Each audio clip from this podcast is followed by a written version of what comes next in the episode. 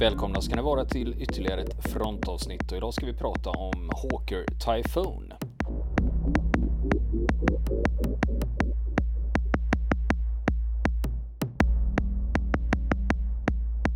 Och nu fortsätter vi prata om flygplanet Hawker Typhoon. Inte förrän i slutet av 1942 så började, började man komma till rätta med eh, många problem och man kan börja tala om att det hade mognat som flygplan helt enkelt, som flygplanstyp. Och det var då man började se helt andra kvaliteter i, i planen som gjorde att man kunde, kunde börja, börja hitta dess roll på riktigt. Och i slutet av 1942, början av 1943, så började man basera Typhoon-divisionerna i RAF, Fighter Command, eh, på flygfält nära den engelska sydkusten och kusten i sydöst. Eh, sida vid sida med två eh, Spitfire Mark 12-divisioner. Det gjorde man då för att, eh, för att möta eh, Luftwaffes ständiga räder mot eh, brittiska städer och militära mål. Eh, och det kan man ju tycka, blitzen det hade ju upphört eh, 1941. Eh, när eh, Barbarossa började på allvar så hade man eh, där styrt över alla de resurserna till, eh, till östfronten. Men man fortsatte alltså med eh, attackplan, eh, attackjaktplan, att göra räder hit and run kan man säga då in på in över de eh, över engelska kusten. Låg höjd, hög hastighet, ställ till kaos, skjut och fäll bomber överallt för att eh, liksom bara eh, för att trakassera. Alltså det var inga stora mängder flygplan utan det var man flög inte med stora formationer utan det här var kanske e, eh, individuella plan eller, eller rote rotar som kom in då för att, från olika håll för att eh, sprida ut sig och eh, ställa till, ställa till oro, oreda och förstörelse helt enkelt. Så att det, det handlade ju inte om några eh, liksom, tunga bombräder. Men det här var ju liksom en plåga för eh, den brittiska hemmafronten och någonting som man till varje pris ville sätta stopp för eh, från RAFs sida. Och eh, då fann Typhoon planen sin roll. Eh, man parkerar dem på tillfälliga, flyg, eh, tillfälliga flygfält, eh, flygbaser nere vid, alldeles vid kusten. Eller höll dem på konstant beredskap då där. Där man kunde liksom starta med två minuters varsel för att möta, möta inkräktare under ja, de ljusa timmarna på dygnet. Och då flög man alltså konstant på låg höjd, alltså sällan över 150 meter. Eh, för det var vad tyska Luftwaffe gjorde också då, deras, deras Messerschmitts och Focke-Wulf som då hade tagits, tagits i tjänst. Och Focke-Wulf 190 var eh, ett plan som utklassade de dåvarande versionerna av Spitfire. Och Spitfire-piloterna hade börjat drabbas av eh, stora förluster och tyfonen var det enda medel man hade för att kunna kontra Focke-Wulf-planen och deras, deras härjningar över, över den brittiska luftrummet.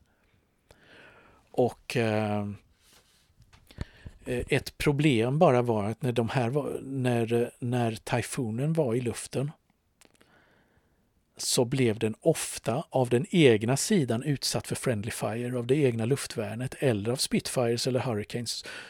Därför att det vagt liknade en Focke-Wulf själv. Alltså det är inga stora likheter när, du, när man ser dem sida vid sida men man kan ändå förstå att eh, ja, i, i vissa vinklar så ser de faktiskt lite tyska ut. Och det här var någonting som Typhoon-piloterna fick dras med under hela kriget. Att man drabbades av friendly fire och blev nedskjutna av den egna sidan. Och eh, då, de blev alltså så småningom de första, som, alltså för att komma till rätta med detta, så fick man måla vita och svarta streck på vingarna. För att eh, visa för den egna sidan att det här är, det här är inte fiendeplan. och eh, Eh, man målade även eh, nosarna på planen så småningom vita eh, för att göra det så tydligt som möjligt. Och det gjorde ju att nackdelen med var att de blev ju mycket tydligare för fiendens jaktpiloter. Syntes ju mycket tydligare. Men det kanske var bättre det än att bli nedskjuten av de egna. Men det där upphörde ändå inte. Under, när, man var framme vid D-dagen 1944 så Eh, hade de flesta allierade bom, eh, flygplanen de här typen av eh, färgmarkeringar på sig för att undvika eld, luftvärnseld från den egna sidan. Men ändå, som vi ska se längre fram, så kom Typhoon att drabbas av eh, skjutglada luftvärnssoldaters eh, ja, aktiviteter, så att säga. Och eh, då är det så här att Eh, jag tänkte faktiskt att jag ska ge ett exempel på hur det kunde gå till då under de här eh, tyska, när de här tyska jaktbombsangreppen mot städerna på den engelska sydkusten började då. Det, och, och Typhoonplanet eh, som då visade sig då helt plötsligt vara Fighter Commands bästa eh, motmedel för att möta de här som eh, korsade kanalen i hög fart och under radarn.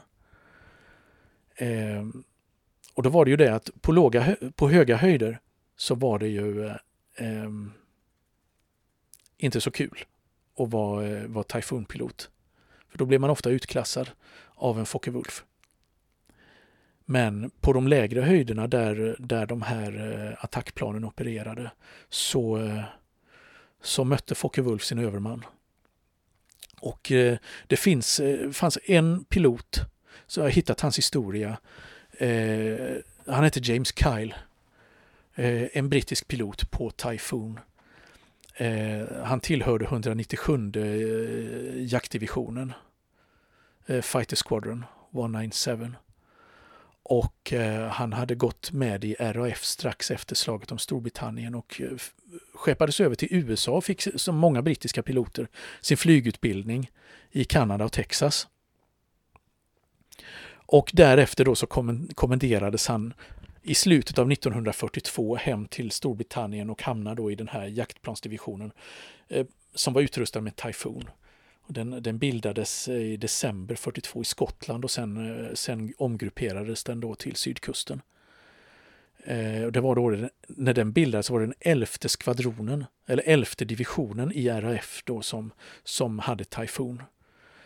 Och just vid, det här, just vid den här tiden, ta det som en liten cliffhanger där, som detta skedde, som han kom ut på de här förbanden, så var man på vippen att skrota hela Typhoon-programmet på grund av de tekniska problemen med motorer och flyg, eh, eh flygskroven och så vidare. Att man övervägde att vi lägger ner det här och satsar på något annat. Och det var just den här vevan som man upptäckte fördelarna som planet ändå hade. Vad var det som hade hänt? Och, då? Det har ju blivit någon form av förändring då. Ja, det har blivit en för, blivit förändring. En av förändringarna och det är den vi pratar om just nu, det var att man upptäckte att det här var ett bra plan för att möta de här eh, tyska inkräktarna som kom in på låg höjd. För på låg höjd så fanns det ingen som slog Typhoon i manöverförmåga. Och, eh, därför att motorn var så kraftfull bland annat. Och eh, Så att det var det ena och det andra ska vi snart återkomma till. Eh, och eh, då är det så här att den här, de här historierna, för det är tre stycken historier eh, som, eh, som eh, James Kyle har, har återgett och som jag har översatt till svenska. De har jag hittat på en, en av BBCs sida. En, en BBC-sida där man i början av 2000-talet samlade historier från den sista generationen från kriget. Eh, man fick skicka in sina minnen och eh, de, eh, de publicerades där då i en stor databas kan man säga och där kan man liksom genom olika sökord få fram allt från ökenråttor i Nordafrika till hemmafronten, Eh, hur man hanterar överlevde V2orna och V1orna och eh, hur det var att vara i flottan och så vidare. Det finns allt möjligt, hur många historier som helst. Och den här sidan som vi ska tipsa om, den, den heter World War II People's War. Googlar man på det så, hit, så kan man hitta den sidan. Eh, lägg till BBC. Så, eh, så ja, har ni mycket läsning där kan man säga. Men jag, jag passade på att översätta de här historierna eh, som han berättade om, några incidenter med, med eh, Typhoon. Eh, och två av incidenterna har att göra med dels hur man jagade Messerschmitt 109, dels hur var det att möta Focke-Wulf 190. Och, eh, och det här stycket då, han kallade Jakt på fienden, Typhoon vs ME 109. Och han, han börjar med att berätta att det här, det här var en vårmorgon, då är vi framme vid eh, våren 43 alltså. Medan de här eh, sticknåls, eh, nålsticksräderna pågår för fullt fortfarande och det är vårmorgon, det är dagg i gräset, det är ett fint duggregn. Och eh, han befinner sig på en provisorisk startbana vid den brittiska sydkusten. Han skriver att jag hade morgonpasset i full beredskap i cockpit. Det var två timmar i flygaroverall, hjälm på, fastspänd i min Typhoon. Jag hade tagit min utrustning, jag hade gått till planet, jag spänt fast mig, jag startat motorn för att varmköra den och stannade den efter några minuter. Sen gick tiden. Det började bli obekvämt att sitta där när de rör, eh, ända tills den röda signalraketen avfyrades från kontrolltornet. Två minuter senare var våra plan redo. Sabermotorn startade med en smäll när jag tryckte på startknappen. Jag ska göra en, av, av, en liten avstickare. Varför startade den med en smäll? Jo, den hade ingen startmotor. Utan den startades med, man kan i princip säga ett, eh, ett skott. Tänk dig en, tänk dig en eh, hagelpatron fast utan hagel i. En sån satte man i ett antal sådana i motorn på ett visst ställe och det var detta så när man tryckte på en knapp så avfyrades det här skottet och det fick startade motorn. Ja, men det här har jag sett i en film, vad heter den? Flight of the Phoenix eller någonting. När man, det är ett plan som har störtat i öknen eller nödlandat så ska de ha igång det som ett visst antal patroner för att kunna starta upp motorn igen. Precis. Just det. Och så var det med den här Saber-motorn då också. Och han fortsätter då att jag kontrollerade snabbt alla instrument fungerade och sedan startade vi i den riktning som flygplanen stod uppställda mot, tvärs över fältet, i riktning mot kontrolltornet. Jag gav full gas och farten ökade snabbt. Jag ställde vingklaffarna för att förkorta startsträckan och girade tvärt åt vänster när planet lyfte, precis som jag brukade göra med lite för låg flyghastighet, varvid planet sjönk lite när jag girade och med en hårsmån missade tornet fortsatte i riktning söderut och fortsatte att pressa mitt flygplan att gå fortare. Ja, det var riskabelt att flyga på det här sättet, men farten var viktig och jag kände mitt flygplan utan och innan. Jag var en erfaren flygare. Vinna eller försvinna var det som gällde och jag flög med, som man sa på den tiden, rumpan i sätet. Kunde känna mitt plan den vägen, som jag hade för vana. Jag hade inte en tanke på eventuell fara och jag antog att planet var okej okay och att allt skulle gå bra. Jag fällde in landningsställen, drog tillbaka vindklaffarna, slog över på radion till flygledning för att få en inledande kurs samma sekund jag lyfte. Jag fortsatte flyga i takhöjd och ökade farten mycket hastigt och inom 30 sekunder var jag över kusten. När jag flyger lågt och snabbt över havet så är farten nästan 600 km i timmen. Jag spanar spänt mot den gråa disiga horisonten. Trots den dåliga sikten och det då låga molntäcket över Engelska kanalen siktades fiendeplanet, en Messerschmitt 109, snabbt rakt framför oss. En sittande anka på väg tillbaka mot Frankrike efter att ha fullgjort sin illgärning. Jag anropade min rote tvåa och sa skarpt över radion Enemy aircraft ahead, 12 o'clock, closing fast. Jag kontrollerade kanonerna och siktet tryckte på säkringsknappen, men närmade mig fienden alldeles för fort och tvingades slå av på gasreglaget, skeva rodret och gira höger för att inte fara förbi honom och därmed undvika bli hans måltavla istället för att han blev min. Min rotetvåa, han befann sig i samma läge och när jag bankade höger tog han åt vänster.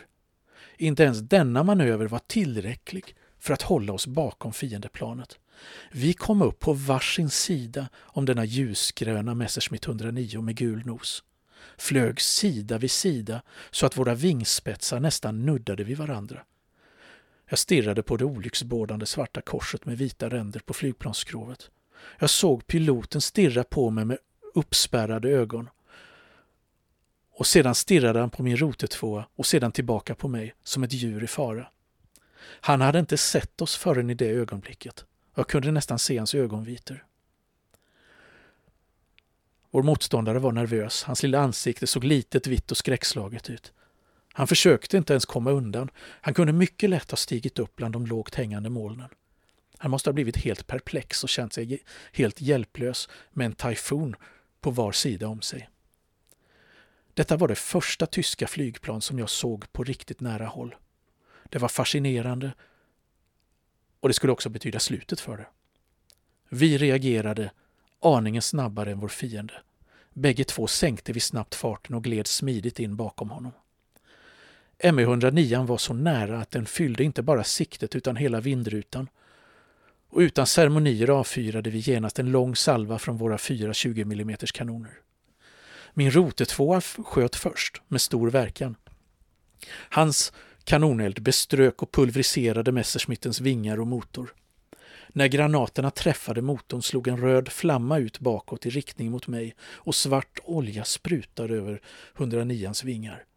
Hans plexiglashuv flög av bakåt och splittrades i fragment som spreds åt alla håll. Men vi tappade 109 då han plötsligt slank in i det låga molntäcket och vi såg honom aldrig igen. Skadad förvisso, men han kom undan till vårt stora förtret. Och det var med blandade känslor jag återvände till basen. Jag landade 30 minuter efter start, gick av beredskapspasset och efter förhör och debriefing blev det frukost och ett varmt bad. Av underrättelserapporterna som kom in senare samma dag framgick det att lågt flygande inkräktare hade attackerat militära mål på Isle of Wight varvid två flyglottor hade blivit dödade. Vår Messerschmitt 109 hade varit en av dem. Andra fiendeplan gensköts under liknande omständigheter senare samma dag och åtminstone två av fiendeplanen blev nedskjutna innan de nådde säkerheten vid franska kusten. Målet på Isle of Wight hade varit en Ground Control Inception Station, en GCI, och när en sådan station eh, arbetade synkroniserat med en Plan Position Indicator, en PPI och andra CGI-stationer på sydkusten så fick vi information om inkräktande fiendeplans avstånd och kurs, vilket möjliggjorde för flygstridsledaren att ange en lämplig kurs för genskjutande jaktplan. Och morgonens uppdrag var ett bra exempel på hur väl det systemet fungerade. Så berättar, eh, berättar han om, eh, om den här, eh, eh ja, hur det var att möta en Messerschmitt 109 under den här, under den här jakten på eh, de tyska attackplanen över Engelska kanalen och södra England. Ja. Och, men Messerschmitten var man överlägsen redan i alla lägen vid den här tiden. Men däremot så Focke-Wulf 190 då var en helt annan utmanare. Och eh, jag tänkte faktiskt berätta vad han skriver om detta eh, rakt av här. Och nu befinner han sig inte på eh, den större flygbasen utan på en ännu mindre provisorisk bas som låg direkt vid eh, klippkanten vid kusten i närheten av Beachy Head på sydkusten. Och eh, då har, man också full, då har de också full beredskap. Det är han och hans rote 2. Eh, 1943 som, eh, som sitter där ensamma på den här lilla basen. Då. Många inkräktare som smög in på hit and run-räder. Det var vanligtvis ME-109 och Focke-Wulf 190. De hade angripit städerna Brightburn, Brighton, Eastburn, Hastings med flera i området. Och vår bas var alltför avlägsen för att bemöta dessa angrepp på ett effektivt sätt. Och därför lades tillfälliga start och landningsbanor av eh, Sommerfeldmattor ut vid klippkrönet. Och eh, de här Sommerfeldmattorna, det var alltså stålmattor, alltså stora stålnät som man la ut på, eh, på ängar och fält för att eh, skapa tillräckliga, tillräckligt bra eh, start och landningsbanor. Och de var korta, skriver han, och de räckte till, men de räckte till för nödlandningar och akutstarter. Tanken var att sitta där hela dagar, om så krävdes, och vänta på händelsernas utveckling. Den tryckande värmen i cockpit på grund av högsommarsolen var obehaglig. Men när vi larmades för att sätta efter och skjuta ner inkräktarna, då var det väl värt besväret.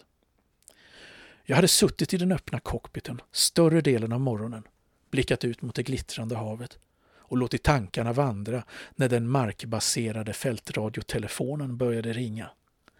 Vi blev informerade om att två tyska plan höll på att anfalla lokala mål. Vi startade genast motorerna, låste bromsarna tills vi hade nästan fullt gaspådrag för att göra startsträckan så kort som möjligt och undvek fåglarna som flög upp alldeles framför oss med undantag av en enda som exploderade bokstavligen mot vingens framkant. Vi dippade lågt över havet och satte kurs som angetts av flygstridsledningen, Air Traffic Approach Control, och började jaga efter inkräktarna för att genskjuta dem. Fiendeplanen siktades nästan halvvägs över kanalen. Vi närmade oss snabbt bakifrån och jag gick i strid med det ena av dem. Efter att ha sett mig bestämde sig den tyske piloten för att gira skarpt vänster, strax över vattenytan och hans vingspets nuddade nästan vid vågorna. Instinktivt gick jag in i en gir i högsta fart och kom in bakom honom. Efter att ha skevat rodret lite för att göra giren skarpare och slagit av på gasreglaget försökte jag komma i vinkel för att öppna eld. Men det var besvärligt och ytterst riskabelt på så låg höjd. I ögonvrån la jag märke till hur det oroliga havets vita vågkammar blötte ner vingspetsarna. Det var mycket oroande. Den perfekta skottvinkeln infann sig aldrig. Och eftersom jag inte kunde skjuta avvaktade jag bakom honom, följde honom nära inpå i allt mindre cirklar och var medveten om vad som sannolikt skulle inträffa. Två gånger hade vi gjort 360 grader och hela tiden snävat in svängarna i hastigheter på eh, 400 km kilometer i timmen ungefär. Jag höll ögonen ömsom på fienden, ömsom på hastighetsmätaren, ömsom på det grymma havet med motorn vrålande på full gas och det var livsviktigt att inte darra på styrspaken och träffa havsytan. I vissa fall glömde piloter bort planets höjd när de koncentrerade sig helt och hållet på att hålla ögonen på fienden. Nu flög vi nästan vertikalt med vingspetsarna lodrätt och det var svårt att hålla kurs och höjd. Jag blinkade svetten ur ögonen. Gode gud, det ser lite farligt ut, tänkte jag när Focke-Wulf 190, Typhoonplanens ärkerival, plötsligt snärtade till två gånger åt motsvart håll, kraschade och sjönk som en sten i havet. Piloten i Focke-Wulf-planet hade tajtat sin gir så mycket att hans plan stallade med resultat att det slog över åt andra hållet och han tappade kontrollen. Det var detta jag hade förväntat mig kunde ske. Typhoonplanen kunde flyga snabbare och hastigheten var ofta skillnaden mellan liv och död och den kunde utmanövrera en Focke-Wulf 190. Med min högre hastighet och överlägsna eldkraft pressade jag honom så att det, till sist, det, till sist, det som till sist inträffade blev nästan oundvikligt. Den lilla roderskevning som jag använde gjorde min hastighet så mycket lägre att jag kände mig nöjd och relativt säker när jag avvaktade bakom honom på det oundvikliga. Om luftstriden skulle ha ägt rum på högre höjd kunde taktiken och resultatet ha blivit helt annorlunda. Men i denna situation hade fiendeplanet ingenstans att ta vägen än uppåt och då skulle jag säkerligen ha kunnat skjuta ner honom. Under tiden hade min rote 2 Tanner Coles, jagat efter två andra Focke-Wulf 190 som hade vägrat gå i strid. Och han hade jagat dem hela vägen tillbaka till franska kusten och återvände sedan och eh, anslöt till mig där jag väntade på honom.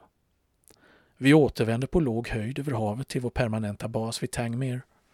Två andra plan hade kommenderats att ta över vid Beachy Head under återstoden av dagen. Sorgligt nog dödades Tanner Cole En leende, lugn, optimistisk engelsman med smak för äventyr i en operation mot en minsvepare några månader senare. Han blev träffad av fartygets luftvärn och det var inte förrän attacken var över och vi hade stigit och var på väg hem som det märktes att Tanners plan hade problem. Jag lämnade formationen och flög vid hans sida.